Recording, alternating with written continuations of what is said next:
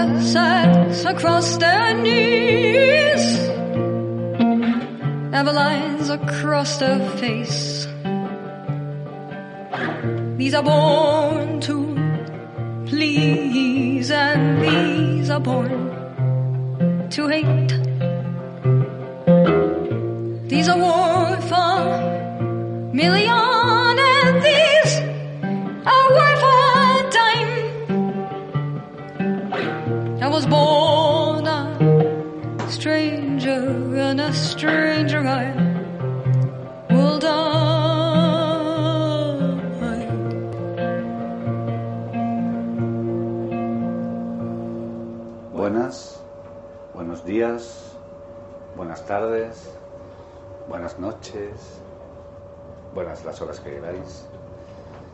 Mi nombre es Pablo Marte, ni Pablo Marte Nice, y les doy una vez más la bienvenida a Sector Conflictivo, un programa de Basílica. En este cuarto episodio conversaremos con la artista donostiarra Idoia Montón.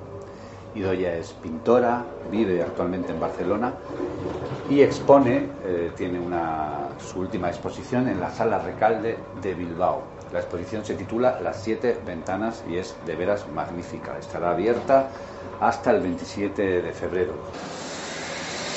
De veras, magnífica. Como para ir una y dos y tres veces y hacer pulular las pupilas de arriba abajo por entre sus pinturas, sus collages, sus motivos, sus formas informes, sus protuberancias, sus animales, sus mundos subterráneos, sus diosas en el suelo de su estudio, sus leonas heridas, sus visiones de la guerra y sus contrarrubens. Eh, escucharéis un sonido extraño, de hecho ahora se acrecienta.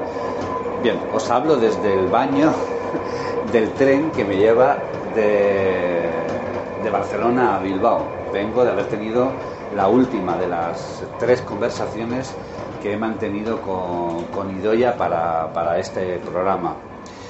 El porqué de, de las tres, el porqué de, de- de tantas veces, se ha debido pues, a una serie de percances tecnológicos que ha convertido cada grabación en casi en su propia imposibilidad.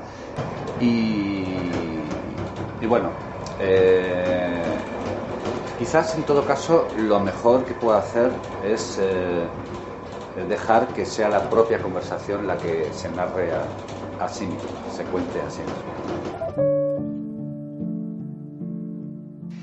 Bueno, Idoya, eh, nada, tercera ocasión, a la tercera va la vencida, como dicen. Pero es un placer maravilloso. Yo, eh, esta ocasión estamos en tu estudio en Barcelona. Bueno, decir que Idoya Montón ha expuesto en la Galería SIS de Sabadell, en la Escocesa en Barcelona, Galería Carras Mújica, en Oquela Bilbao, en Artium, en Half House en Barcelona, en Tabacalera de Donosti, en fin, eh, muchos sitios. Tuvimos el- la primera vez, la primera grabación, nada, quedamos, en, quedamos a primeros de poco antes de Navidad en, en Donosti. Mantuvimos una conversación muy interesante y de hecho habría bastado con lo que allí hablamos, pero ocurrió esto. Hacemos un pequeño... Vale, un pequeño descanso y continuamos. A ver. Vale, no me lo quito porque así no hay que volver a colocarlo. Sí, a ver. Adiós. ¿Qué? No me digas que no se grabó. Se ha parado. Porque fue mi móvil que dejó de... se paró. Yo creo que, yo creo que igual yo no le di a grabar. O igual se paró, no lo sé. Una, hubo una parte que no se grabó. Sí, el primer día la primera parte no se ha grabado, pero yo la he podido, en un momento dado podría rescatarla porque algo de tu voz se quedó grabado en mi, esta cosa fantasmal, que algo de tu Sí. voz se quedó grabado en mi Pero bueno, hay mucho material. Porque la primera sesión fue un poco más, eh, digamos, yo estaba más debutativa. Sí, Sí, estaba más como... La segunda sesión fue la mejor, que esa se conservó hasta que nos, Toda. hasta que se cayó el teléfono. todo está conservado. Sí. y Bueno, hasta que se cayó el teléfono, porque cuando se cayó el teléfono ya habíamos acabado.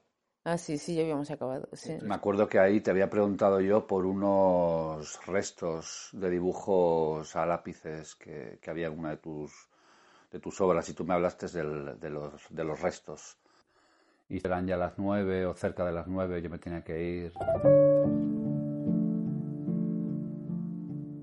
Yo nunca borro los restos. Vale. Me gustan, me encantan los restos de las cosas, de, bueno, y sobre todo en la pintura, porque además, bueno, sí es la manera de hacer, ¿no? Pero que es algo que no molesta, porque es más, más leve que, el, no sé, un color poderoso, un elemento de colas poderoso, queda como disuelto ante la vista, ¿no? Y a mí me gusta porque si te acercas lo puedes ver y está, pero sin Ya. estar. ¿sabes? Está, pero no, no Sí, sí, sí, es estructuralmente no tiene poder, pero sí que está. Y es la manera en la que he construido las cosas. No tiene una, una intención más que de man- la de mantener el resto, la de no ocultar. Sí, porque el resto es bello, ¿no? Es porque, porque es bello. ¿Qué pasa? Se queda muy bien ahí. No, no, Le da sí, a más me- carácter a la cosa, ¿no? A la elementa, ¿no? Está más... Tiene ese- esos aspectos también muy sutiles. Tengo que ir al baño. Ya, yo también. Vale, tú primero. vale, Venga, paro, paro un momento esto. Sí. Y, y, Y ya será la última sesión que Sí, tú no, yo creo ya que sabes me que tienes... ir. Ya son Ah. las nueve. a- a- Sí, pero bueno, ya sabes que estás aquí al lado, ¿no? Sí, Ahí sí, lo sí, que pasa es sí. que tienes que pasar por el, por Sí, ya sabes el pero- camino. Pero sí, yo creo que ya. nos Vale, si ya tenemos hecho, ya está, ¿eh? Tú, tú diriges, ¿no? y, aunque bueno, eh, el material de las dos precedentes no se ha perdido, milagrosamente. Ya, sobre todo la segunda, qué Sobre magia. todo la segunda, que había magia. magia. ahí. Eso es, eso es. Que Eso era, es. el- el- además, el que más te gustaba a ti, ¿no? De los... Sí, de los... Sí. Sí, que ya nos empezamos a conocer, entonces ya hay otra Sí, fluidez. sí, exactamente. Y además yo creo que lo recuerdo como que empezamos, empezamos por todo lo alto, ¿no?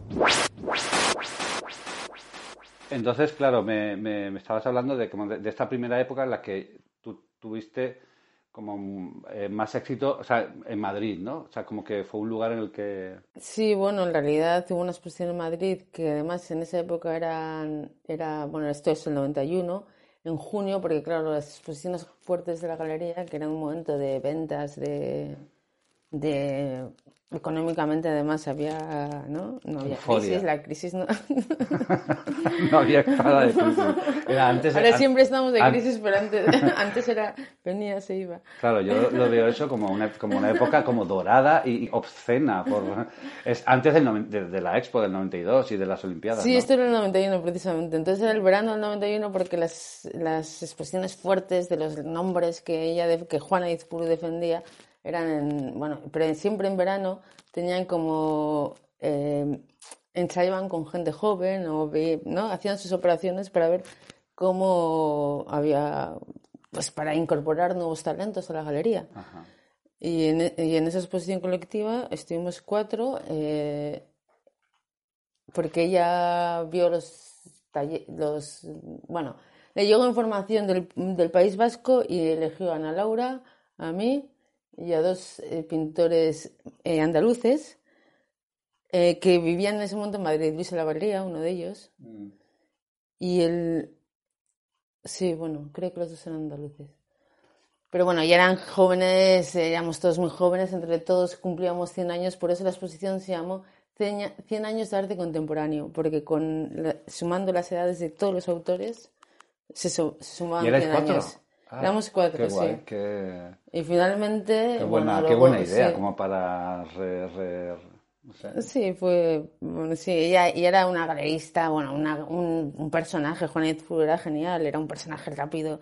Eh, bueno, sí, claro, era, bueno, a mí me sorprendió mucho, era muy joven, la más joven del grupo y, y vi cosas allí que no me gustaron, pero que bueno, que son parte del mundo y entonces bueno, ella decidió sus operaciones con estos cuatro artistas eh, y finalmente pues fluyó mucho más tiempo con, con Ana Laura. Y, y conmigo pues intentamos, yo le iba enseñando los trabajos, estaba muy interesada.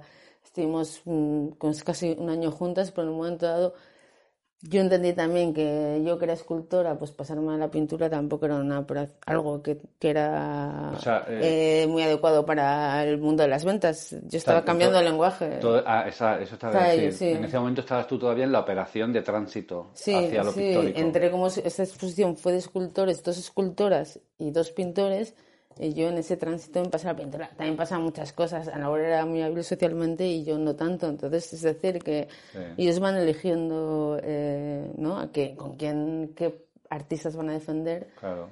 y Esa, esa fue tu primera expo en Madrid. sí, esa fue, sí, Tu- la primera como tu expo. salida un poco del contexto más concreto contexto de vasco. Artelecu, Facultad de Bellas Artes. Sí, Bilbao, O sea, sí. era todavía Sí, esta sí. época, ¿no? Sí, sí, era no- eh, verano del 91. Y en un momento dado, cuando yo ya me pasé a la pintura, de alguna manera yo lo vi así porque fue una inauguración en la que las dos, Juana Izpuru y Guades, que eran dos jefazas del mundo del arte, de... No, me encantaría haber estado allí. No, Juana Izpuru se inventó el arco, yo creo, no es- o, o- o- o muy cerca, es decir, está, estuvo en el origen como directora. Y bueno, eh, unas, es decir, cuando yo me pasé la pintura, eh, me co- recogió Bodes, pero con Bodes tuve malas experiencias, me robó, eh, etcétera, etcétera, y hasta que dije, no, esto no me interesa. esto no". pero bueno, sí, estuve, participé en un par de exposiciones colectivas, pero eran galerías grandes y eran exposiciones grandes, sí, con Bodes. En los años siguientes, hasta el 95, así, anduve por allí y luego pasé todo. Y, en el, en el contexto más cercano, en aquellos momentos, en esos momentos de tránsito entre la escultura y la pintura, ¿cómo era? ¿Cómo se vivía aquel momento? Nosotros estábamos, hacíamos esos grupos, de hecho yo, y es que en esa época tratábamos de ganarnos la vida con el arte y existía la opción. Yo me junté con dos chicas y hacíamos centros de arte, recibíamos subvenciones, bueno, pero... Y luego hacíamos nuestras exposiciones, era una época en que también tenía, yo tenía acceso porque ¿no? estaba vigente a, a las subvenciones del gobierno vasco, de la diputación, ¿no? Y, y fue una época en la que eso pensábamos, bueno, queríamos, estamos convencidas de que teníamos mucho talento y, que, y que vamos, y que vamos a, a salir adelante con el arte y, y pasamos así unos cuantos años hasta que ya se fue disolviendo la cosa y Claro, y- y- Sí, y y seguimos se pintando. Yo, desde luego, siempre me dediqué a pintar, pero en un momento dado decidí. Bueno, tuve la opción de, de pasar del tema de la pasta y dedicarme a pintar sin pensar en que tenía que venderme, en que tenía que ir a Madrid a hacer a fiestas, eh, bueno, que. o operaciones que, que tampoco eran mi estilo, que yo, bueno, también era muy. No sé. Primero hay que ser muy hábil socialmente, hay que tener mucha fuerza, hay que tirarse muy para adelante. Y yo veía cosas como que no me parecían muy morales, entonces pues me, me retiré a mis cuevas, a mis agujeros, no necesitaba ganarme el dinero, entonces seguí pintando a mi bola.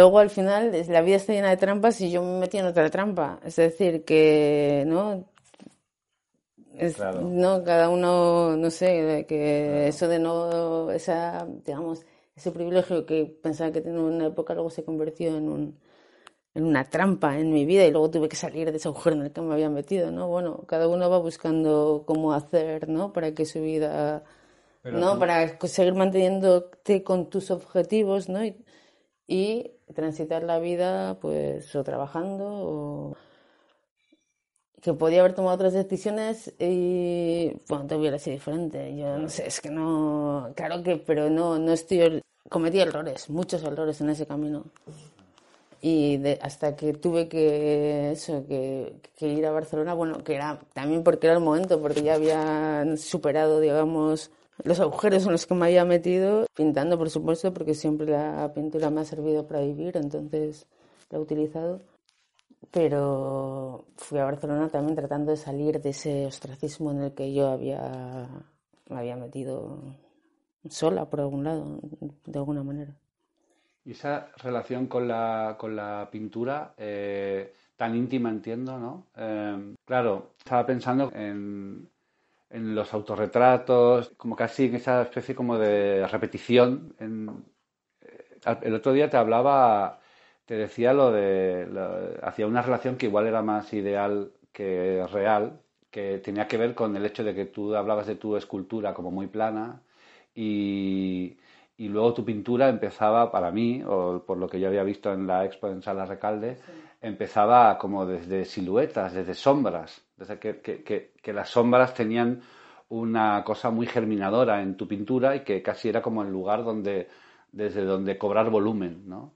Yo últimamente, y, esto lo relaciono con, con, el, con la decisión de dejar de solicitar, eh, no tanto de encerrarse, pero sí dejar de, de estar en un lugar de solicitar subvenciones o de que también tiene que ver con la presentación pública de, uno mismo como artista, ¿no? Que de repente está en otro lugar. Pero sin embargo, me parece a mí que, eso mismo me hace reivindicar para mí el goce o la necesidad también de la práctica eh, alejada de esa obligatoriedad. Y cuando me has comentado lo de la pintura, también me venía este como este momento de sí es evidente que el hecho de no, de, digamos, de separarme del mundo del arte y decidir optar por mi propio camino, eso me permite no tener que estar atenta a los estilos que se del mercado, digamos, o de la contemporaneidad o de la de la moda, porque es que había en realidad, de repente igual todos los artistas se ponían a hacer fotografía, todos los artistas que habían sido escultores, eh, pintores o no, pues había como momentos en los que yo también me encontré en mí misma en esa época de, de Buades y haciendo operaciones más cercanas a lo que se esperaba en ese momento de mí, pero entonces, pues es como las dos cosas, ¿no? Y de hecho también el hecho de ir a Barcelona, en unos momentos me busqué también acercarme a un, es decir, salir del ostracismo eh, a través del objeto artístico, tratando de seducir a la escena de Barcelona, que, que tratándose de pintura, pues era absolutamente imposible. Pero bueno, pues una cosa y la otra, es decir, que uno está, yo tiendo a ir al, al margen, a, mi camino. Ese es mi, no me gusta la mirada normativa, no me gusta el, no sé, el, las, las, cómo dirigen muchas veces la vida, la vida en concreto, ¿no? Y la vida del arte y la vida, incluso, estos, estas señoras eh, de Madrid también tenían su ego en cuanto a que la posibilidad de elegir a sus artistas jóvenes, porque todos somos impuros y hacemos cosas bien y cosas mal y, sí, entrar en la academia puede ser también una operación, ¿no? Eh, que te puede separar, digamos, de lo artístico, pero ¿no? Pero igual también es una operación que te sirve para enriquecer lo artístico, porque enriquece tu discurso, etcétera, etcétera, ¿no? Pues se trata eso de, de ir acercándote pero sin caer en el abismo que supone cualquier sí cualquier operación más más normativa más más lo que se debe más no pero también eh, acercarte a ella porque eso también te va a dar herramientas para seducir a los demás no y pero sin pero sin, sin que el objeto artístico sufra por ello, ¿no? Es decir, que no pierda su poder, su poder de... ¿Te refieres a que acercarse al abismo o a la situación, o a, bueno, sin caerse, de, ¿no? Para que no pierda su poder en el sentido de que... Eh, para que no, para que no, para que la situación no se ponga por encima de la, del, del, objeto artístico, ¿no? Para no perder esa, esa, esa distancia. O... Antes, antes, por ejemplo, decía que... Porque yo trataba una cosa que era crítica con el entorno artístico del que venía, ¿no? De Bellas Artes, Arteleco, etcétera, era que yo no quería hacer un arte para especialistas. yo siempre me he propuesto no hacer un arte para especialistas, porque yo, porque yo aspiro a que mi lenguaje se entienda a la mayor cantidad de gente posible. ¿no? En ese sentido, me acuerdo, me has recordado en esta conversación algunos términos que empleaba entonces, y era que yo trataba con la pintura de acercarme a la convención, pero sin ser destruida por ella. ¿no? Te acercas a la convención para llegar a la, a, la mayor cantidad de gente posible, pero permaneciendo inteligente, es decir, sin, eh, eh, no siendo empalagoso, no siendo, haciendo una operación que, que, que tenga, bueno, no sé, que te sirva a ti, que no te, que no te sea un meloso, ¿no? Bueno, ¿no? En ese sentido, acercarte, pero para ser eh, expresivo, ¿no? Ante la mayor gente posible, pero, sin, pero siendo auténtico con el objeto artístico que estás celebrando y que es para ti, y es para que te sirva a ti primero, ¿no? Y después a los demás quizá, pero a ti primero, porque si no, no tiene ningún valor. Claro, claro, claro, claro. No sé si me he explicado bien, me he entendido. Sí, sí, sí, total, total. no, no, no, total, total. De hecho, de hecho lo, estaba viviendo como una imagen, ¿no? Como veía la convención cuando has, hablado de la convención. Sí, ahora se utilizan otros términos. No, no, pero, antes la, pero la, convención eh, lo entiendo perfectamente. El lenguaje convencional, la imagen convencional, una estandarización que siempre, que siempre supone una simplificación. Sí. Y, y antes has hablado, y, y, bueno, y creo que tiene sentido eh, hablar de esto aquí ahora, es sobre pues esa época de que tú hablas de repetición, ¿no? En el estudio, de autorretratos, de bodegones de taller, de... Yo hacía esa operación porque quería pintar directamente la realidad que no tiene nada que ver con pintar de fotografía o de ningún otro medio. Es decir, de un, es una operación diferente, la del 3D al 2D, la que, hay, ¿no? la que, hay que hacer, la que hace un pintor que cuando hace de 2D a 2D, ¿no? Coge los datos, no, no tiene nada que ver, es una operación muy diferente. Entonces yo lo, lo único que quería era aprender a representar con óleo ese, esa, esa realidad que para mí, que captaba en, en directo y que me parecía interesante y que quería aprender a hacer. Y, la hacía por aprender a hacerla. Hasta que ya pasas de. ¿no? Cambias, cambias los mecanismos de trabajo. En la realidad siempre hay demasiado, ¿no? Sí, siempre hay demasiado, siempre tienes que quitar, siempre te dices, esto no me entra. en cambio, de 2D a 2D está chupado. Dentro de que hay un trabajo más o menos realista, al menos aparentemente realista, con la representación, Sí, muy realista entre comillas siempre porque sí, porque es una operación eh, particular, ¿no? de una mirada y, y, si esa operación es rápida, el realismo es muy poco verídico, pero sí. pero sí que está inspirado completamente en ese elemento que quieres captar, ¿no? Entonces es un realismo entre comillas. Es un realismo entre comillas y yo no sé hasta qué punto, bueno, es un realismo que se va dejando, que va poco a poco va perdiendo un poco, eh, porque incluso igual estamos dando demasiados pasos, tampoco hace falta que sigamos la expo así de manera puntual, pero por lo que parece haber al final, lo que las, pinturas que has hecho, los trabajos que has hecho en Kurdistán, eh, ya el realismo está muy desilvanado, ¿no? Sí, sí, sí. Se utiliza como por partes. Sí, es como una estructura de espacio. Una estructura de espacio. Que eh, puede contener todo lo que mm, uno quiera, o sí, con esa estructura que además traje los bocetos del Kurdistán mm. y ahí se genera un espacio que me interesa y claro, ya es un espacio simbólico en el que puedes elaborar lo que quieras. Pues eso, o sea, no, se no se ha perdido ese material.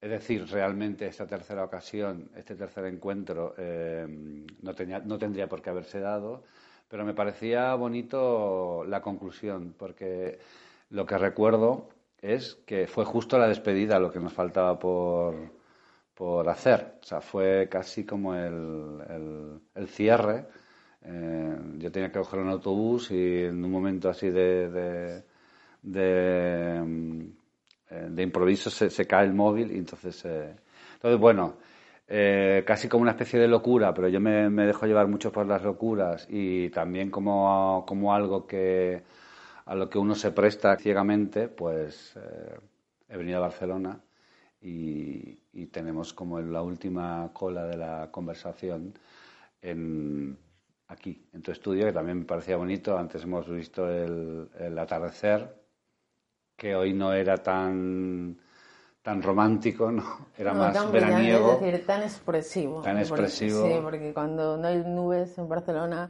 pues es más oso el Claro, atardecer. claro. Si hay un- unas pocas nubes, entonces ya todo se puede convertir en un espectáculo. El atardecer, entre otras cosas, quizá debido a la contaminación, pero que el atardecer queda muy, muy poderoso y muy... Sí, hoy, hoy era un día muy claro. Hoy se veía hasta el Tibidabo. O sea, era... Sobre todo no había ni una nube. Ni y una las nube, nubes son fundamentales nube, en el claro. Al final, un- al final es, es curioso, Son ¿eh? las que se Pero tiñen de rojos y de, y de ne- rosas. necesitamos un poco de nubes en nuestros atardeceres, en nuestros días, de vez en cuando, ¿no? No demasiadas, porque no se tapa todo. No, no demasiadas.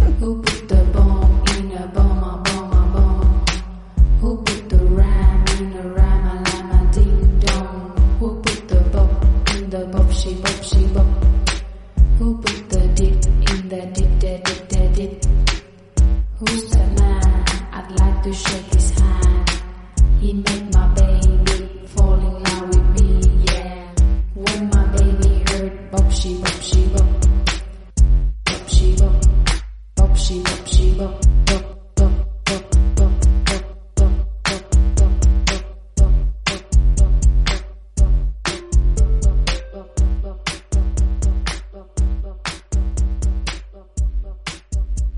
Los únicos paisajes, en el sentido como más eh, oficioso de lo que es un paisaje, están en esa sala, en esa sala primera, que está englobada en el nombre de una habitación propia. Sí. Eh, ¿Esos paisajes de dónde son? De, eh, me dijiste el otro día. Son unas Ah, minas. minas de Riturrio, Yarzun. Peñas de allá. La- sí, es la entrada de un parque natural. Además, antes había una mina y por eso hay tantas piedras, porque, claro, fue una zona de contaminación absoluta. Primero estuvieron los romanos, hubo también extracciones previas a los romanos, sacaban plata y traían los esclavos desde el norte de Francia y bajaban la plata. Y finalmente eh, estuvo minería asturiana hasta el 84 o algo así. Creo que el 84 abandonó. O sea que cuando tú O- llegaste. eh, Sí, no, ya estaba. Es una casa ocupada. La ocupó mi amigo. Y, y bueno, y ahí decimos que tenemos el paraíso porque. Ah. porque sí, pero porque. Ahora lo entiendo. Pero por, bueno, por una razón ya de como de ideal de vida, ¿no? Pero, y- pero también porque todas las piedras que están en esa zona, ya la naturaleza se las ha comido. Es decir, ya la naturaleza ha vuelto a apropiarse del lugar. Antes era una- un lugar absolutamente contaminado porque estaba masacrado de, de material que habían sacado de dentro de la tierra. Y ahora, y ahora ya llega un momento, después de más de 30, no, a ver, ¿cómo? Pues 40 años que sería, bueno, sería antes, ¿eh? Igual no tengo puesto bien las fechas. No, porque igual lleva esa casa ocupada 35 o 36 o 37 años. Bueno, no tengo los datos exactos. Pues sí, y estuvo abandonada cuatro años o algo así, después de que se fue minería asturiana. Y, bueno, y entonces y ahora mismo ya la naturaleza se ha comido, se ha comido todo, todo, todo. Entonces la naturaleza tiene una fuerza brutal. Y, miras al suelo, por ejemplo, yo, yo me maravillaba porque ibas subiendo por el monte y miras al suelo y decías, esto es, pero si esto es, esto es una joya, esto es, esto es un, un espectáculo Es una- increíble, solamente el suelo, entonces ya, y luego, y luego las, y luego están las pozas, porque ahí están varias aldecas, es un cruce donde se juntan tres aldecas y, y la gente se baña en verano. y- Es, es precisamente por, eh, por esa impresión de, cuán poderosa es la naturaleza, cómo de repente la naturaleza eh, fagocita, se apropia enseguida de aquello que, es decir, como que hay algo ahí, como que nada está totalmente quieto, siempre todo va cambiando, ¿no? Es esa, esa impresión eh, la que te motivó eh, pintar, retratar esa realidad, ese, esos, No, porque simplemente miraba y flip, me encantaba. Bueno, aparte Ya, que, claro. que vi cosas que ya más mágicas que la naturaleza te permite hacer, pero, pero no, yo miraba, yo salgo allí, por eso es el paraíso, porque es que es de una belleza, pero no es una belleza ordenada, europea, con, no, es una belleza salvaje, que Brutal. es más belleza. Claro, claro, claro. El europeo viene luego y, y- y se la carga. bueno, eso es, un- es un- como tierra salvaje, ¿no? Sí. Y entonces la, la señal de paraíso, que, que en relación también incluso a la furgoneta, eh, es uno de esos momentos que, de los que también te comenté el otro día, que para mí es muy sígnico, es decir, que parece como, como una señal que me da la pintura, no sé exactamente a dónde o qué, no, no lo puedo verbalizar o no puedo ubicarlo en un lugar como un narrativo, pero sí parece algo que está diciéndome desde el cuadro yo soy importante o algo así. Yo, yo, yo, yo tengo un mensaje oculto o algo así, ¿no? Y en ese cuadro es la, la señal con paraíso. ¿Esa señal estaba real o fue algo que incluiste en el... Esa señal estaba real porque esa señal es la parada de autobuses antigua que había en Euskadi.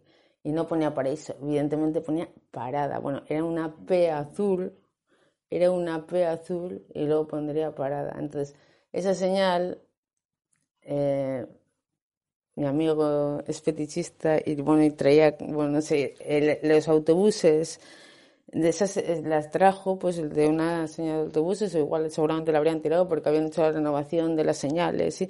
Pero era la señal antigua en la que ponía parada y además es gracioso porque tiene una flecha ¿no? esa, esa señal de madera blanca tiene una flecha la P es azul de parada y solamente cambié parada por paraíso Qué bonito. O sea, el Puctun, pero, la, digamos, para- pero la furgoneta también es real Es real, o sea, estaba ahí es la furgoneta de mi amiga sí pero funcionaba la furgoneta. Sí, sí, claro, sí, sí. Ah, sí, qué bueno. Sí, sí. Hombre, para ir a un mundo salvaje necesitas un vehículo. no, bueno, Sí, es verdad que andando es más complicado. Claro, yo lo de este poder invasor, regenerador, pero incluso también contaminante, eh, imparable de la naturaleza, cambiamos de tercio completamente. Nos vamos a, de repente, justo a la última sala. ¿no? Ah, vale, Casi sí. como hay una relación muy curiosa entre la primera sala y la última sala. Ah, sí, ah, qué bueno. Sí, hay una relación muy curiosa. Yo no sé si siempre suelo hacer ese tipo de pareados, pero... pero... Ah, qué interesante, Andrés, Sí, que no, que no lo esperaba, pero que ha surgido hablando contigo de, de- de- de las minas estas en Oyarzun y de esta cosa de la naturaleza. Porque en una segunda visión de, de Sacrificio 3, creo que se llama, ¿no? ¿El boceto intermedio o...? El boceto intermedio, bueno, los que están juntos. Es que el- Sí, el boceto intermedio y el grande. y el grande. Sí, que sí. eh, ahí hay una relación de que tú en la, en la, en la visita eh, comentabas en términos de cómo de repente los tamaños hacen que, que varíen Sí, muchas las, cosas. las fuerzas, sí. Bueno, entonces yo sé que el motivo de, de cierto contenido que hay en el grande tiene que ver con eso, ¿no? Con el hecho de que no puedes dejarlo tan plano porque a, Sí, a ese tamaño eh, Claro, es no muy funciona. soso. Eh, pues fíjate que me parecía que en el boceto intermedio, eh, como que hay dos tiempos. Uno está en el boceto intermedio y otro en el grande. En el boceto intermedio, aquello que ocurre en el sacrificio es más reciente y de hecho en, en- bueno, en, en la base del, del, de la- del, eh, del- no es un pedestal, es como un Sí, como una mesa de... una mesa de sacrificio, una, una mesa sacrificial. Sí, pero, Arca sacrificial. pero, eh, antes, an- antes escribí Arca sacrificial. Arca pero sacrificial. mesa de sacrificio. No, que pero me- arca, es que me- a mí me, yo, me gustan las palabras. Arca sacrificial, eh, pues en la base del arca sacrificial, que son unos escalones que luego asciende, hay unos trozos así como que parecen masas de carne Sí. y todo parece como fresco, ¿no? Y el- el- la figura que ocupa el lugar del, sacrif- del sacrificio es esa masa unicolor, ¿no? Sí. Negra. Claro, de repente en el, en el sacrificio 3, eh, por un lado, me parece interesante que en la base del arca sacrificial ya no hay esos trozos sanguinolentos de carne, bueno, no Sí. son sanguinolentos, pero sí, Sí. son es- esos pequeños amasijos Sí, de carne, ya no están, sino que de repente han sido como, han, han evolucionado o algo así hacia algo que parecen como, es, una, es un collage, pero que parecen como utensi- utensilios de, de- utensilios de pintura. o de, de- de material de trabajo, de- como que, ah, que me parece muy interesante la evolución, ¿no? A- como de, de casi de la carne que acaba de caer de la entidad sacrificada, Sí. pasa a convertirse en, en como en elementos de para trabajar la cosa y, y ahí la relación con, con estos con las minas en el interior de, de lo que de la, de la- Sí. del cuerpo sacrificado ha germinado la naturaleza O sea, así lo, así lo entendía yo pero es decir, estaba yo delante y decía, decía, hay esperanza no es como quiero decir cuando parece que el cuerpo se va a pudrir no pero ya la putrefacción ya es ¿no? Dentro de este cuerpo hay vida y está ahí eh, ma- ma- volviendo a maquinar, ¿no? Eh, no, es como que me... me- Y, y yo lo conectaba con esa, con esa fascinación, con esa maravilla que tú sentías que está en la primera sala hacia esa capacidad tan, tan, tan fuerte de la naturaleza, ¿no? Como es un poder que yo creo que tú vuelves a tirar de eso en la última, o así como... Qué guay. Sí, me, me- Me encantan esas ideas. No, es como que hablando contigo de repente, no, no es la que yo había, por la que yo había conectado la primera con la última, era por otra que te la sacaré en otro, en otro momento, pero bueno, cuando me hablabas tú como de ese, de ese, de esa, de esa fascinación, de eso que te encontraste en, en las minas y que es algo que te llamaba la atención y que te hizo mirar hacia abajo y prestar atención Bueno, a... sí, en realidad es par- parte de una sensibilidad, ¿no? Algo así, ¿no? Que tienes una actitud vital y de repente las, ¿no? Igual hasta la mirada se transforma, ¿no? Y bueno, yo como soy pintora, pues voy pintando Esa sensibilidad, por ejemplo, porque es uno de los temas que, más que temas, es un motivo que aparece muy recurrente y que yo te- sobre el que te quería preguntar, eh, es la que te hace que te llame la, la atención los animales. Ah, es que los animales es de siempre. Eso sí que es algo eh, de la infancia pura. Es decir, porque me acuerdo que la, la- si es como es una si es un los animales siempre los he adorado. Como un niño que porque un niño quiere a los animales porque se identifica con él, porque ve que es como él o algo así. Y eso es algo que siempre, vamos, me parece fundamental. Es, sentí eso y sigo sintiendo eso y sigo elaborando en ese sentido. Cuando- Si, quiere- que- si quieres abrir la ventana, ¿eh? Ah, yo, no, yo estoy bien, ¿eh? Yo, Yo también, ¿eh? Yo estoy estupendamente. No, no, yo estoy estupendamente. De hecho, ahí me está, me está sintiendo el tequila mucho mejor que el otro día. No, hablábamos de los animales, eh, porque, claro, eh, aparecen, eh, no es que seas una pintora de animales, pero tienen como una importancia, o sea, aparecen, eh, mm, no sé si de manera simbólica, pero bueno, aparecen de muchas formas. Nosotros somos animales. Nosotros somos Y animales. mamíferos, es verdad. animales Mamíferos. mamíferos. ¿Cómo no vamos a sentir, ¿no? Ese, esa cercanía con ellos. Yo pintaba esos animales del 94, Sí. noven- 94 más bien, porque ya es que iba a toda velocidad en esa época. Igual al principio del 95, pero ya al principio del 95 ya empecé a hacer realismo, digamos. Pero yo en ese, yo tenía una enciclopedia de, de animales, bueno, claro está, y- porque siempre me han gustado. de- además, en este caso era de Félix Rodríguez de la Fuente, que tú no conocerás. Claro que conozco, Sí lo conoces es que por eso digo que yo soy una generación que no estoy tan lejos de ti. Por eso, pues nosotros, nosotros, como- nosotros como niños flipábamos porque música, nos tirin, tirin, enseñaba a tirin, los animales también de, esa manera. Pero bueno, sin más, yo en- tenía, bueno, tenía mi enciclopedia en mi estudio, ¿no? Y, y a mí me encantaban esos animales y los pintaba porque me encantaban. Y era, de no- y era antes de hacer la operación 3D con la pintura, era 2D, 2D. Es decir, que, por ejemplo, el bicho que hay con una escena de, de Bilbao, que yo le Vale. llamo, que se titula, que tiene un título, y es Engendro joven de la cloaca, y recuerda a Escorbuto y a todo el ratas alcantarilla. Es que, porque, porque está además la, la transformación ya de Bilbao ahí. Bueno, ya sabes, sí, es de, de- la división de clases, sí, bueno, como siempre. Y. Pero yo, yo lo que des- ese, este- ese cuadro, bueno, Eh, era, es un hormiguero, es un bebé de hormiguero. A mí me encantaba ese, esa imagen que yo tenía de bebé de hormiguero en mi libro y dije, lo voy a pintar, porque tenía unas texturas en la piel, yo no sé qué.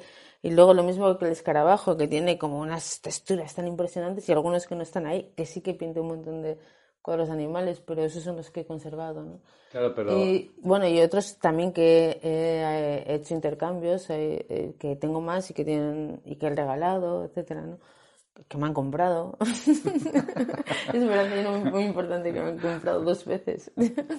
bueno, y, pero, pero era porque me encantaban los libros, esos libros, y porque yo quería, y entonces aprendí a hacer esa operación pictórica y luego lo abandonaba porque ya luego he utilizado el animal de otra manera, o bueno, porque siempre está.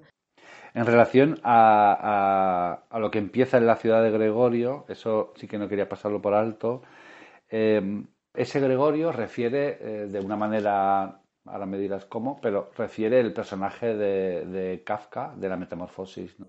Sí, pero bueno, es Bilbao es sí. kafkiana para ti, o era kafkiana en aquel momento Hombre, para ti. en todo es que el mundo es kafkiano y cada vez más. bueno, cada vez más. ¿No?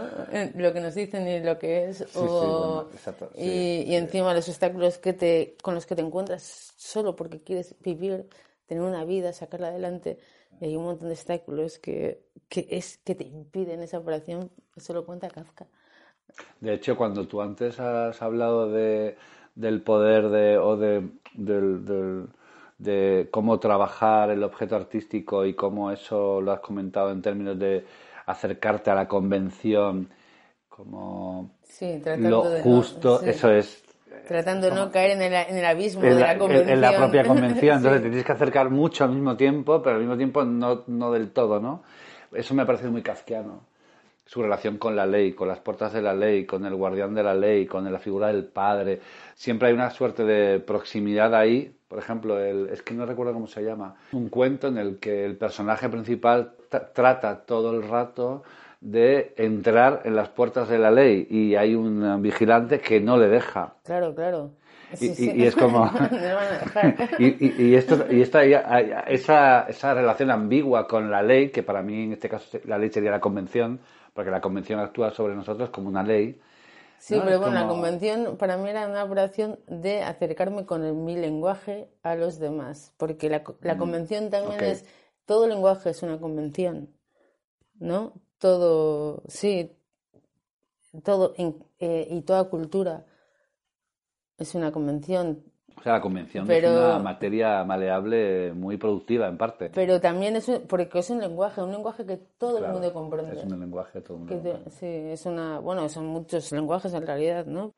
Vale, eh, en, en la ciudad de Gregorio está como el, el- el- ni siquiera el germen, porque ya es algo naciente, porque ya hay formas, ya hay informas que están ahí. Sí, no sí, hay sí, ni siquiera hay un- totales. ya hay informas que están ahí. 2008, 2008, año 2008. en Barcelona. eh, el que es el año casi se puede. Bueno, y va- yo, yo viví. No, el 2008 en Barcelona. Sí, sí, estaba yo en Barcelona. Ah, sí. Sí, Estamos al lado. Estamos al lado. Por eso yo, eh, tu pintura Barcelona la, la vivo muy personalmente.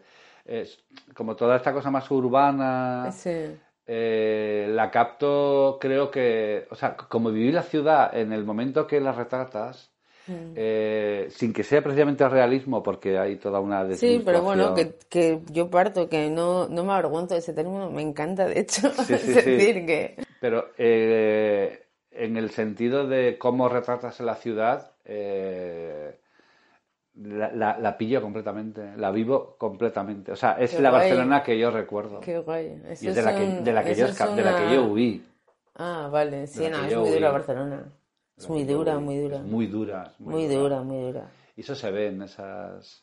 Sí, es, son imágenes duras. No duras, pero como hablan de una ciudad muy fría, muy veloz, que de repente se difracta en muchas imágenes, se abre... eh, es imposible tener un... un- Es que es muy como yo viví la ciudad en aquel momento. Mira, yo me acuerdo, eh, estuve en, una, en un, uno de estos momentos en los que justo o me iba de la ciudad o me quedaba y no tenía un duro y no tenía trabajo y, y era el 2008, de hecho, era el 2008, y todavía no, se hablaba del todo de la crisis, pero ya existía la crisis. Sí, sí, no, la del 2007, que empezó, es. que yo me fui precisamente y dije, joder, que me vengo en el momento en el que comienza una crisis, qué desastre. Pero sí, cuenta. Y me acuerdo que de repente, pues eso, una como tantísimas veces, pues tuve que salir a buscar curro. Y, y aquella vez me planteé la, la, la, estúpida idea de buscar curro como más en lo mío y no tanto curro de camarero, ¿no? Entonces de repente iba con un currículum como para editar vídeo y para trabajar. En... me acuerdo de ir por, por calle Villarroel, Sí, sí, sí. un lunes, que en teoría un lunes de ciudad, eh, una ciudad bulliciosa, como una capital como Barcelona, tiene que estar como petada de gente y todos trabajando y tal, y de repente era, como una, era una imagen súper extraña, era como la calle vacía, eh, un, ¿sabes? Como solo faltaba el matojo que volaba por Ya, el ya, viento. ya, ya. Yo conozco ese matojo en otras zonas. Sí, sí, sí, sí. Es una cosa desoladora. Y a mí esa Barcelona, me, me- me- esa Barcelona de muchos niveles de, de situación me- y de exigencia y de dureza, me, la veo en las pinturas que, en los cuadros, en la zona Barna que llamas, así como me... Sí, sobre todo en Pueblo Nuevo, porque esos matojos, porque en Pueblo Nuevo está abandonado a la mano de Dios. Bueno, están los edificios de las multinacionales alrededor de la diagonal, al lado, bueno, estaban, porque ahora ya están construyéndolo todo. Con la pandemia, la crisis, está, avanza a toda, toda velocidad.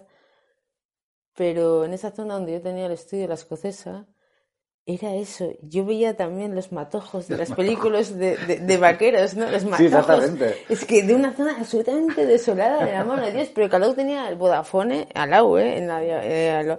Y todas las multinacionales, bueno, no sé, edificios poderosísimos que yo mm, pinté algunos de ellos en la azotea, al lado de zonas absolutamente destrozadas y que no que apenas sin vida, ¿no? Que, que parece, lo que pasa es que luego la vida está siempre por ahí, por los submundos, ¿no? Claro, claro, sí, la, vida vida está escondida y realmente la escocesa, por ejemplo, que era entrar en una...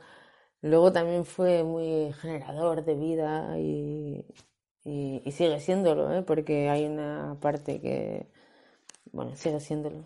Sí. Y tú, las, claro, estaba justo, me contabas esto, en las pinturas, por un lado, hay una intención muy política, creo yo, en la forma de trabajar, en lo que ves, en lo que, en cómo ves la vida y cómo la, la expones en los, en los cuadros, eh, de, de, de, de poner lo malo, lo malo que ves en la- esa ciudad, que lo, ¿no? Pero al mismo tiempo, también, ¿no? Como que veo que no puedes evitar, por suerte, por otro lado, la mirada que se fija en, en- en la vida que surge a pesar de las cosas, ¿no? En, en eso que genera, en eso que florece, en eso que, que está... Bueno, incluso ese matojo que va dando vueltas es algo interesante, ¿no? Eh, Sí, sí, es, es que es, es ¿dónde estoy? va, es como si fuéramos En el, matojo, en el- sería... en el final del mundo, ¿sabes? Exacto, no, es que aparte yo creo que Una película de vaqueros. Sí, es que yo pensé lo mismo. eh, Una película de vaqueros. eh, imagínate, una película de vaqueros en calle Villarroel, un lunes, en una supuesta ciudad que en teoría es como capital económica y tal. Digo, Pablo, ¿no te estás enterando de algo aquí? Hay algo que no terminas de. O sea. mm, Pues. Volviendo a, a la ciudad de Gregorio, a estos animales que ya no son del todo animales, que son como. eh, el otro día comentabas que también que en parte a nivel a nivel técnico viene de bueno por un lado está esta enciclopedia de animales y de poner el foco en algo que que tan cercano que de repente se Sí. pierde la dimensión no Sí, pero la enciclopedia de animales se refiere a las obras del 94. Es decir, hay, hay dos obras, hay un cruce temporal. Las obras que, Las de que Bilbao, a estas las que me refería el día pasado, de que se acercan mucho al objeto, se acercan tanto al objeto que, que, se, que este objeto mm, se distingue poco y, y tiene y parece casi abstracto, aunque no, no lo es, porque es una, para mí es una operación de realismo puro de nuevo, ¿no? Pero muy, muy, muy cerca, muy cerca de una manzana que se está secando, bueno, de un resto de manzana, una chustarra que se está secando y que yo la miraba y decía, joder, que yo voy a pintar esto, pero así tan pequeñito, en, sí, en un papel higiénico, que parece que es una puntilla, pero no, es una, es, es que el papel higiénico es- tiene esos, esos agujeritos y, Y, luego también el pantalón vaquero del que hablábamos. Sí, son, son, eso es, eso es 2008, no tiene que ver con el mundo de los animales. Y sí que aparecen formas animales, por supuesto, porque, eh, y caras, porque en un elemento abstracto es muy fácil que aparezca una cara. y sobre todo para los niños. bueno, no sé, que los niños, bueno, pero la mente humana en general, ¿eh? Hace Sí. una operación muy rápida de, de generar una cara. Cuando haces un espejo también, una- Sí. es decir, un volteamiento vertical en un- o horizontal. Una imagen, yo siempre veo caras y eso me, y eso a veces, pues, a mí me sirve como pintora porque agarras la forma, ¿no? Le das una consistencia que, y luego encima si tienes una cara y esa cara, bueno, no sé, que te- Claro, es, eh, un, es un mecanismo. El famoso pantalón vaquero, Sí. eh, creo que, no sé, no, no, no he hecho la encuesta, no le he preguntado a, a toda la gente que ha visto esa pintura y sin saber que es un pantalón vaquero, pero creo que la mayoría habrá pensado que es un animal, por, por llamarlo de una manera. O sea, Sí. Habrá dicho, planta no es, eh, un ser humano tampoco, un pescado, un... Sí, me decían, me decían como el rape. no, el Pero un rape no puede ser porque No, el rape ¿cómo es plano. Sí, bueno, pero es, por- está por la así como boca. una carpa. Bueno, uno de estos que Bueno, tienen como... sí, un bicho, un bicho un morfo, sí. Un bicho que parece que está como vomitando algo. Y es que hay elementos, evidentemente, en la pintura, porque para eso soy pintora, que, que me apetece no, es que no sean realismo estricto, sino que elaboro lo que, una parte porque me conviene. Pero esos elementos eran un, un, eran un graffiti que había en mi habitación. Y intenté pintar el graffiti, pero no, no funcionaba. Ya sabía que iba a ser difícil y, bueno, y que podía no funcionar. No funcionó, entonces lo transformé en otra cosa.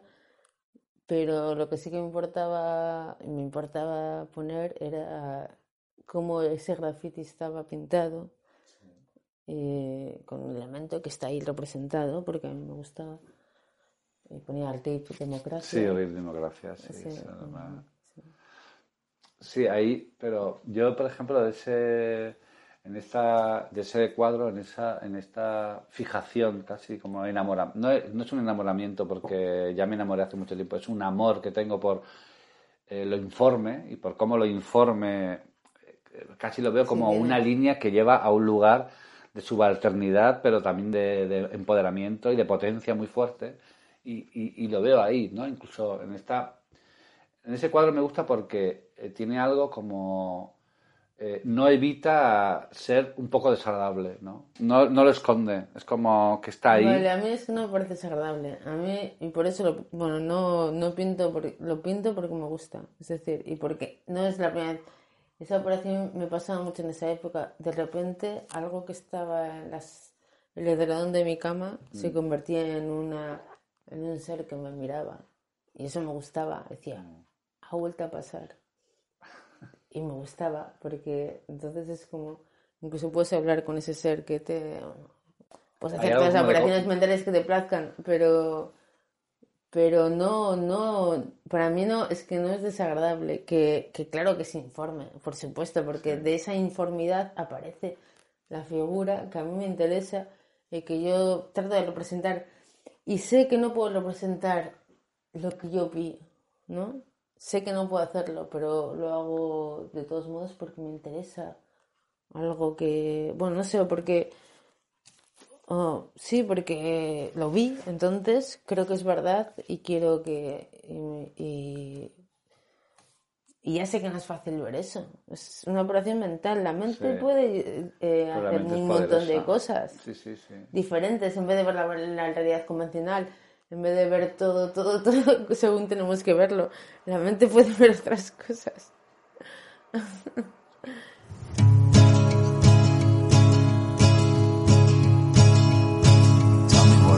like? Lucifer's a light. Tell me what's that like? Lucifer's a light. Tell me what's that like? Lucifer's a light. Lucifer's the light of the world. Tell me what's that sun? Lucifer's the sun. Tell me what's that sun? Lucifer's the sun. Tell me what's that sun? Lucifer's the sun. Lucifer's the sun of the world. He walked down to the garden. Servant said, shall we begin? God up above wants you so dumb. What kind of devil does that make you? Tell me what's that light? Lucifer's light. Tell me what's that light? Lucifer's a light. Tell me what's that light? Lucifer's a light. Lucifer's a light of the world. Tell me what's that sun? Lucifer's the sun. Tell me what's that sun? Lucifer's the sun. Tell me what's that sun? Lucifer's the sun. Lucifer's the sun.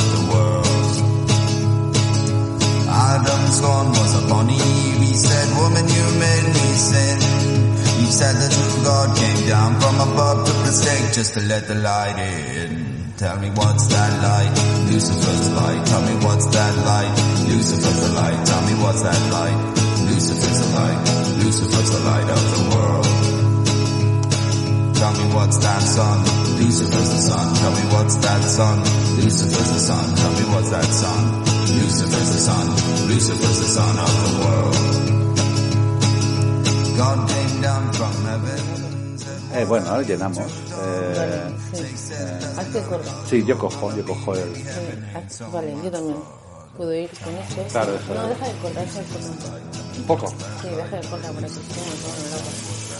Ah, sí, porque al principio no es... Al principio es como de aquí o algo Coge la así. tubería, no, coge el sabor de la tubería. Ah, yo nunca había parado. Corre.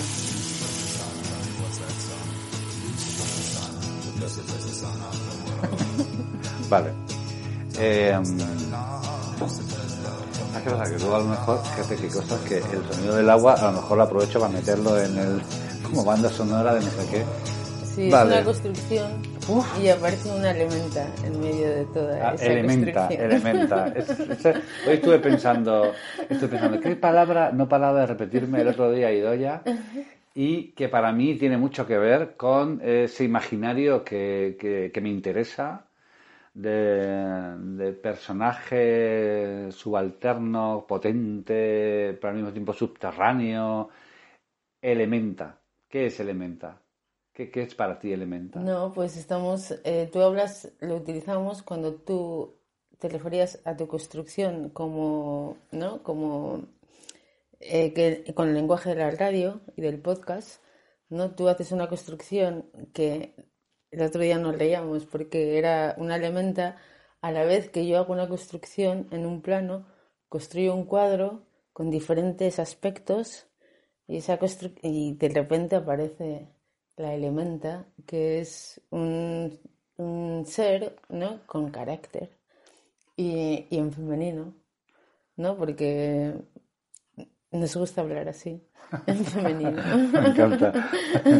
Bueno, pues es, es un, es, un, es un nombre muy, muy interesante, ¿eh? el de la elementa, como pensándolo artísticamente y pensándolo también en lo que, en cómo nos relacionamos con lo que hacemos y en lo que estamos buscando, ¿no? En- porque claro, eh, lo que estamos buscando muchas veces ni tiene nombre, ni tiene rostro, ni tiene, no sabemos, es más... Pero la elementa, sobre todo, es rebelde. Es un elementa o un elemento en el sentido de potencia de la personalidad y rebelde. Creo que es más rebelde en femenino que en masculino. Es más rebelde este. está claro que sí, es más rebelde en femenino que en masculino. De hecho, eh, cuando yo quiero destacar mi rebeldía, eh, me, me hablo en femenino, por supuesto. Vale, entonces, eh, del collage me interesaba como en relación a, por un lado, el color y por otro lado, la línea. Claro, no pasar por alto el tema del rapto de las Sabinas, el tema del collage como apropiación, como no como apropiación, sino como iconoclasia, como la, el elemento que tiene de destrucción. Antes de entrar en, en- en- en tu trabajo sobre la guerra, ¿eh? Sí.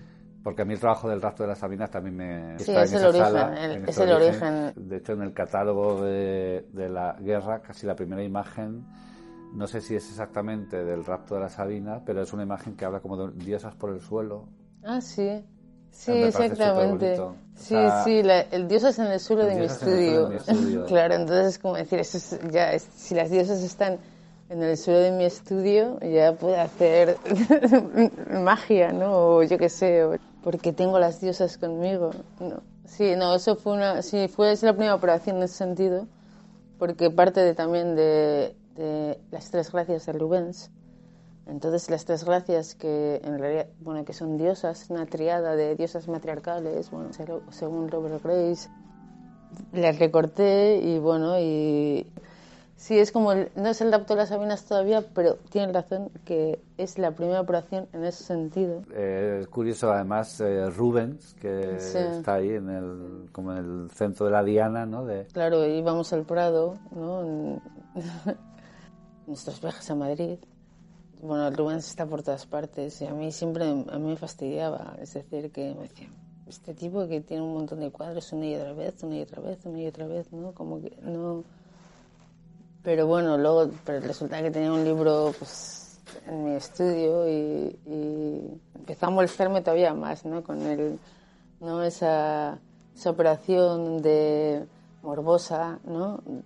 Ese erótico morbosa de, del rapto, ¿no? Y de la que bueno que Robert Gra- Grace habla también de esas bueno porque él eh, analiza todos los mitos griegos y bueno y habla de cómo de, cómo el mito se transforma porque hay una digamos como un, un poder que como un golpe de estado de alguna manera.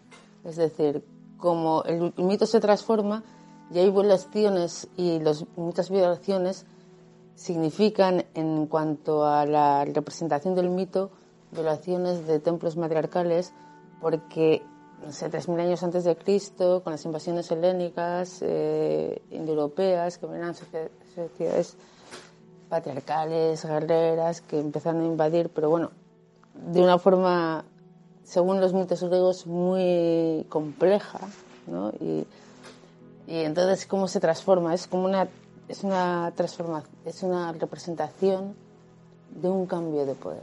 El mito eh, se retuerce, porque los mitos griegos y los mitos romanos es como, no sé, es una operación muy retorcida, retorcida, muy maravillosos.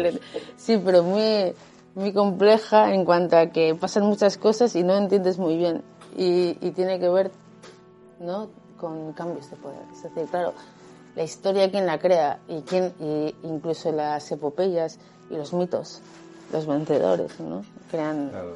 transforman lo que está, lo que- lo- el pasado, lo convierten en otra operación y le dan otra, otra, otra cara, otra visión, otra, otra, bueno, se establece una fuerza encima de la otra y, y destruyen lo que estaba antes, ¿no? Pero bueno, entonces ahí simplemente por la, por la forma icónica eh, o por la forma de, de- por las ideas de Rubens, a mí me molestan y, y las manipulo como me place. es tu tiempo, ¿no? En el sentido de cómo trabajamos las formas, las, las formas icónicas, como que... Por eso no me interesa tanto el tema de la apropiación, porque la apropiación parece, parece que tú vuelves a raptar algo Es- que raptó sí, él. es como Me interesa más que es tu tiempo y tú...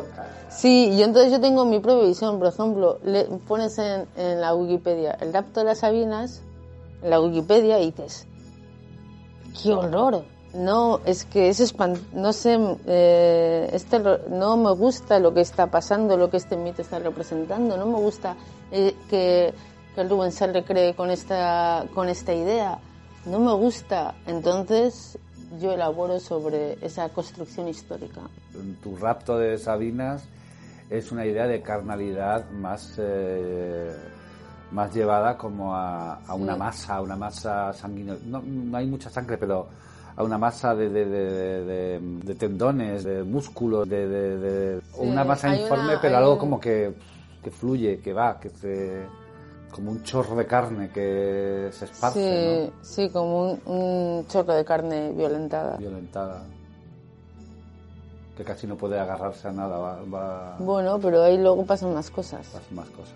Claro, es que, es que el rapto, incluso el Rubens ya está representando el trauma, ¿no? Digamos, la violencia, ¿no? Pues yo, ya de un, de un cuadro de violencia, de cuerpos desnudos de mujeres con, ¿no?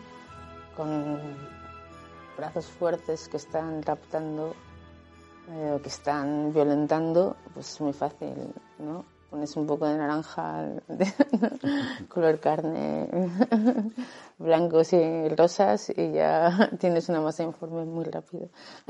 Pero sí, pero, hay como, eh, a mí, eh, de, tu trabajo con el collage me interesaba la cuestión del corte, porque eh, yo había distinguido en el, en tus pinturas anteriores eh, esa dialéctica a veces violen- no violenta, pero muy curiosa entre el color y, y la línea, ¿no? Eh, una línea muy gruesa, eh, marcando los contornos de una manera muy fuerte.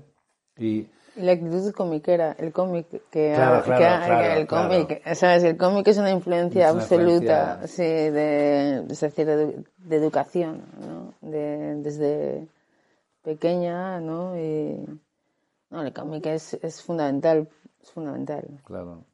es Pero fundamental. bueno, pero, hay- pero, pero esa línea tiene su presencia, ¿no? Y su... Si sientes la línea, por eso siempre va bien. Claro. Pero es curioso porque es curioso porque eh, de repente cuando aparece el collage, eh, la- el- lo que la línea en, en la Sí, pintura, es el collage, es el corte, Sí, ¿no? sí, el recorte, claro. El sí. recorte, ¿no? Y entonces ah, los recortes para mí también son son muy significativos de, de dónde, bueno, de dónde se quiere poner el plano de existencia de las cosas o no sé, a mí me con esta idea del informe por un lado, del, eh, del color como algo que trabaja en esa relación de la masa, ¿no? Eh, como cuando utilizas lo fotográfico, la imagen fotográfica, muchas veces es como, como, un, como una forma de color más, como parte de ese color, ¿no? Entonces de repente, pues, en las sabinas ah, hay algunas partes de collage que son estos, que están estos cuerpos entrevesados con color y no se ven, pero de repente se ven, se ven partes, se ven, ¿no? Ahí se no ver, verse. Para mí lo propio del informe es ocupar, ocupar, ocupar, ocupar cada vez más, ¿no? Y la línea en un, en un caso, o el corte en otro, en la dialéctica para con la masa parece ser la de marcar un contorno, marcar un límite, ser como, sí, como decir, eh, pone el fin de las cosas, ¿no? El principio y el fin. Aquí empieza esto y aquí acaba esto, ¿no? En ese, en ese sentido, el azar es muy importante, de nuevo, porque tú manipulas un, una, ¿no? una estampa Rubens, un cuadro, lo destrozas y luego lo recortas. ¿Y cómo lo recortas? En relación a algo que es elaborado en ese destroce. ¿no? Y luego lo colocas en- con los otros elementos. Que te conviene que por aquí se la- alargue más, pero ya es una cuestión de forma. ¿Qué forma debe tener, no? La elementa. La elementa. Eh, en el caso de lo- del trabajo de la guerra, son, por un lado, eh, todos los trabajos en relación a las lanzas de Velázquez, la tregua, Hay son dos versiones de Velázquez. son dos Uno más. Velázquez. Por un lado está la tregua y por otro lado está mm, Siria o las lanzas. Pero bueno, Eh, ¿cómo fue, cómo fue este? la vida es una guerra. No, bueno, es porque es, es eso, ¿no? Es la, la guerra, por supuesto, la guerra que nos asalta a través de los medios y, y es la guerra que tenemos a diario aquí en nuestra sociedad y, ¿no? y, y la guerra de, de salir adelante a pesar de todos los obstáculos, ¿no? Pero sí, pero bueno, los primeros guerra- eh, cuadros de la guerra eh, pues eran cuando la primera guerra siria y a mí me impresionó eh, lo que aparecía ahí, ¿no? Es decir, las que yo, bueno, que tiendo a no ver un telediario porque no quiero que, que prefiero tener la cabeza limpia sin no tener basura, ¿no? Que recibo. Y después cuando fui a internet y me bajé los, los las fotografías de los bombardeos, pues yo no daba crédito, eh, no entendía lo que estaba pasando y en medio apareció, no sé por qué tenía en mi estudio la rendición de Breda re- reproducido y, una, y, una- y mezclando ideas apareció sin querer Apareció. esa versión de Velázquez, pero bueno, pero era porque, porque eso a- hablaba de la guerra y yo no quería manipular, no me hubiera atrevido a manipular a Velázquez pintando encima, machacando sus imágenes si no hubiera, ¿no? Si no tuviera que hablar de ese tema que, que no, bueno, que me impactó mucho, que no comprendía y ya... ¿no, no crees tú que eso es lo que precisamente refuerza la cuestión política en, en- no sé si en todo tu trabajo, pero en ese trabajo? O sea, donde Velázquez dice, donde Velázquez hace como una especie de acuerdo dulce, Sí, sí, dulce, dis- hecho, sí, la rendición de Breda, es decir, una rendición de caballeros de caballero donde, no hay todo es, no, no, donde todo es Claro. honor, Exactamente. eh, dulce, precisamente. Sí, porque hablaba en ese capítulo del libro del que saqué la versión, hablaba de la guerra dulce, y yo decía, ¿la guerra dulce? ¿Qué me estás contando? En, en tu- en tu- en la tregua, en tu de Breda, la sangre está ahí por el suelo, se ve, es como Y el barro, el y instante el barro, mismo, casi. sí. eh, que es también, y luego además hay una monstruificación, ¿no? Como que el caballo eh, pasa Sí, a sí. convertirse en una masa Claro, extraña, sí. todo- a todos le salen aristas y púas y eh, hay algo ahí como que, que da, que da muestra, que da señal de qué es lo que está ocurriendo dentro de toda esa, en el caso de Velázquez, de toda esa especie como de, pa- de dulzura, ¿no? Como la violencia Sí, de... que dar la está- vuelta a un... Sí, total, no, total, dar la total. vuelta es, es, es Es lo, muy... es, lo, es lo que es, es- muy potente en la, en es la muy, es tregua. muy, es muy, Es muy potente eso. es muy gracioso dar la vuelta a una... porque la imagen se reconoce en la segunda versión. Sí. Sí. Bueno, pues eso sin querer, todo, o sea, haciendo, haciendo, haciendo, sin querer, sin querer, sin querer. Te vas pintando sin querer y de repente te encuentras con, ah, he hecho un, un par de versiones de Velázquez. Qué raro, ¿no? No, no. Bueno, pero No, parece pero también es muy interesante y tengo que decir aquí porque, porque tal, porque ni siquiera en el libro se ve ni en ninguna parte, porque en el centro exacto de la tregua, como tú dices que en el centro exacto del cuadro de Arditurri donde aparece un vaso, sí. sin querer también, en el centro exacto de la tregua aparece una escena completamente antagonista a lo que sucede en todo el cuadro. Y tampoco se ve aquí en el Tampoco se ve aquí, hay que ir a verlo a- A en San directo Telmo. a San Telmo, que ahora mismo está. Pasa una escena eh, que no tiene que ver. Hay una escena de magia en la que hay dos seres que hacen crecer la hierba en medio del barro. Qué bonito. Pero son muy pequeños, son muy pequeños, Pero muy final, pequeños. sí. siempre, siempre está esa Son muy pequeños, pero están haciendo crecer la hierba dentro del todo el barro que aparece en todo. En, Siempre en está esa sí. dialéctica, ¿no? Está- hay dos, dos seres, un animal y, y una mujer y un fuego. O una niña, no sé, yo, para mí es una mujer, pero algunos dicen que es una niña. Y un fuego. ¿Y cómo surgió eso? Porque claro, eso no está en Velázquez, eso surgió de Ah, ti. porque tenía ahí un espacio. Bueno, está, claro que se puede dejar así, pero era incompleto. Entonces, ah, y de hecho hice un montón de becetos, pero, pero, pero no funcionaba, no funcionaba, más pequeño, más pequeño, más pequeño, más pequeño. Hasta que al final, una noche pintando, fue como si las, la pintura que había allí, que me había quedado de los restos de los intentos de llevar ese boceto, que era demasiado grande y siempre tenía que ser más pequeño, más pequeño, de repente vi que estaba ahí la figura.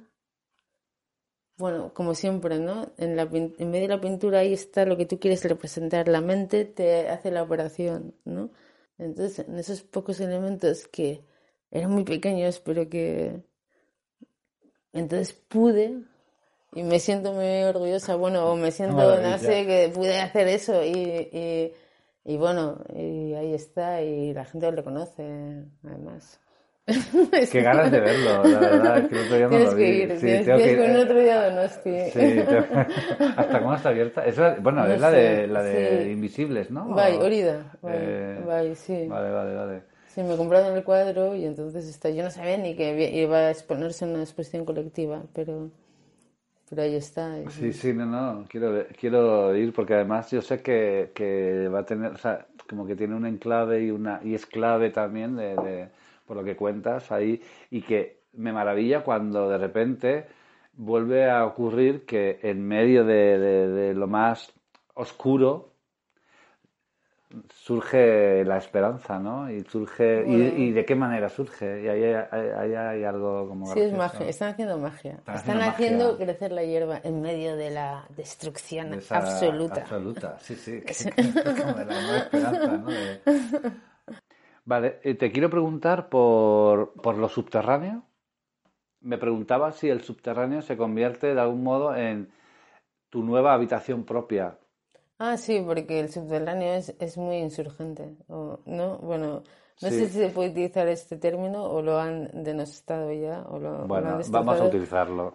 Pero no, claro, el subterráneo es, eh, es, un, es el refugio donde uno elabora su clandestinamente su, sus operaciones de, por lo menos, bueno, primero donde se recoge elaborando su fuerza y siempre hay una fantasía o una idea, bueno, sí, todo, en realidad, la realidad se construye con fantasías de, de tomar el poder. Bueno, no, bueno, tomar el poder, por supuesto que no, porque eso es demasiado peligroso, sino de, de que ese mundo que tú piensas que te gustaría que fuera, fuera comprendido o fuera aceptado. O sea, es como un lugar donde, como una suerte de por un lado parece como un lugar Sí, de pero retirada, para mí no pero es una operación potencia, simbólica. ¿no? ¿no? para mí, de todos modos, cuando pinto no es una operación simbólica, es un lugar al que, me- al que llego de forma natural.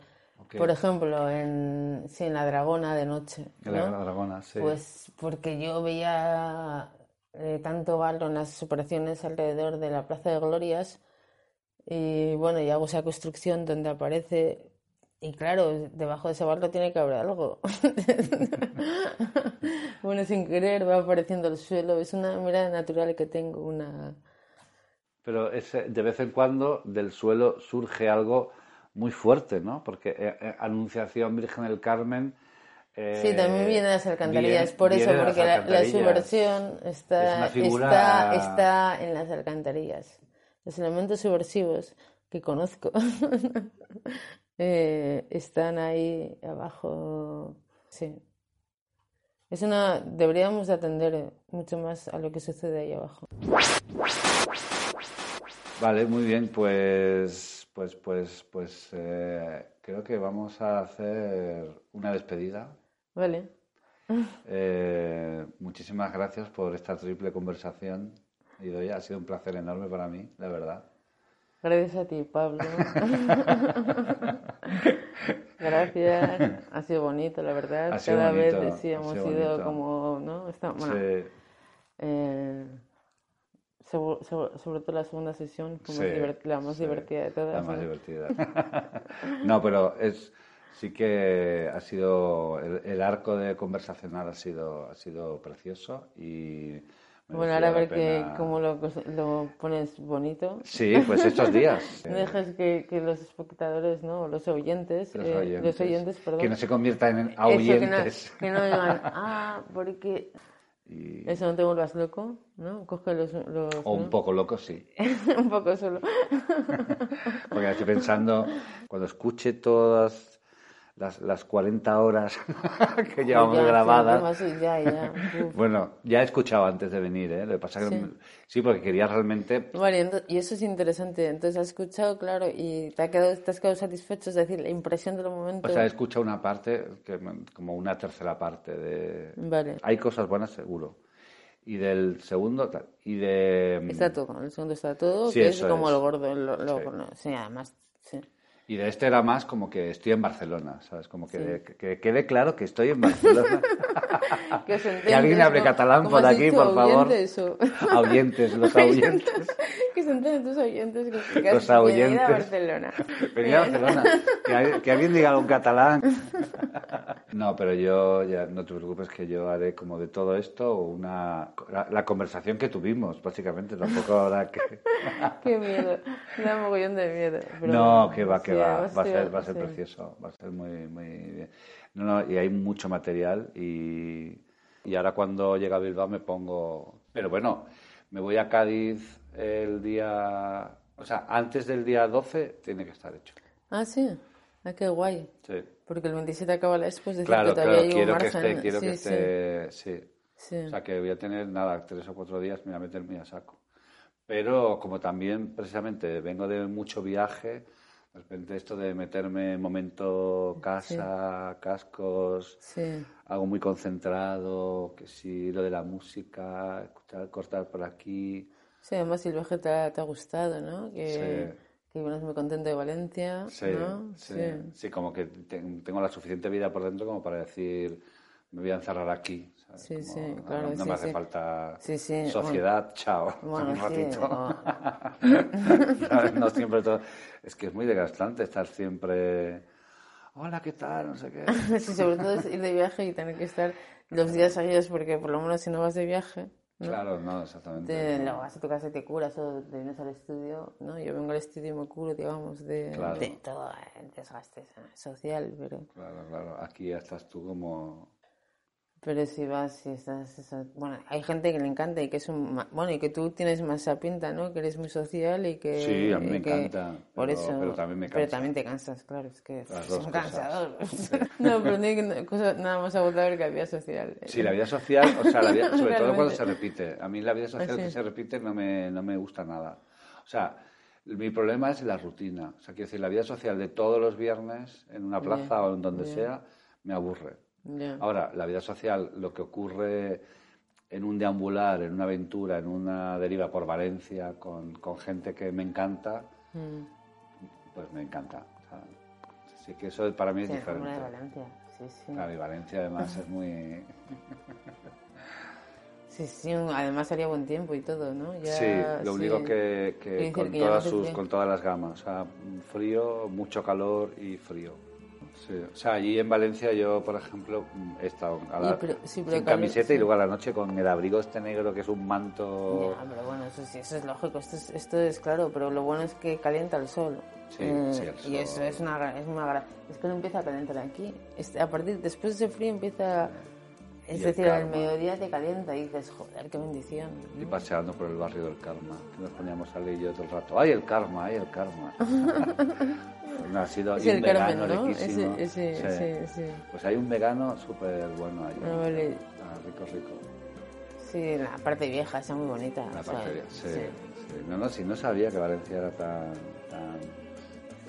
La luna de Valencia, el famoso dicho, ¿no? Pues eh, Sí, lo entiendo. Sí, porque, bueno, sí, eso, así, vale, bueno, ya sabes que antes era por las murallas que se cerraban. ¿Ah, sí? Lo de, Claro, la, lo de la luna de Valencia. claro, es porque la gente se quedaba, claro, porque cerraban la puerta de la, de la, de la muralla, entonces te quedabas a la luna de Valencia, porque claro, la vida, la diversión estaba fuera de las murallas, ¿no? Es decir, también, eh, sí, pues igual.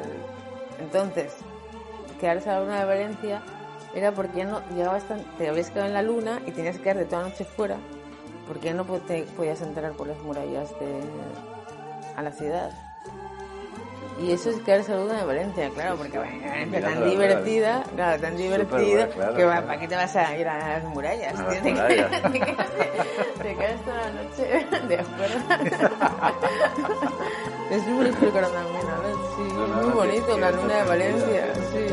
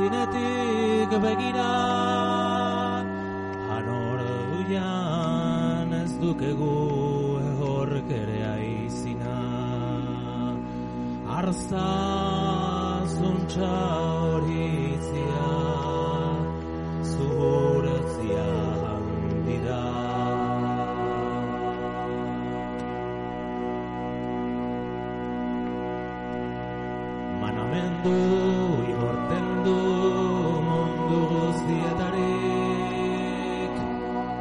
Jende oro bat dakion josafaten bildurik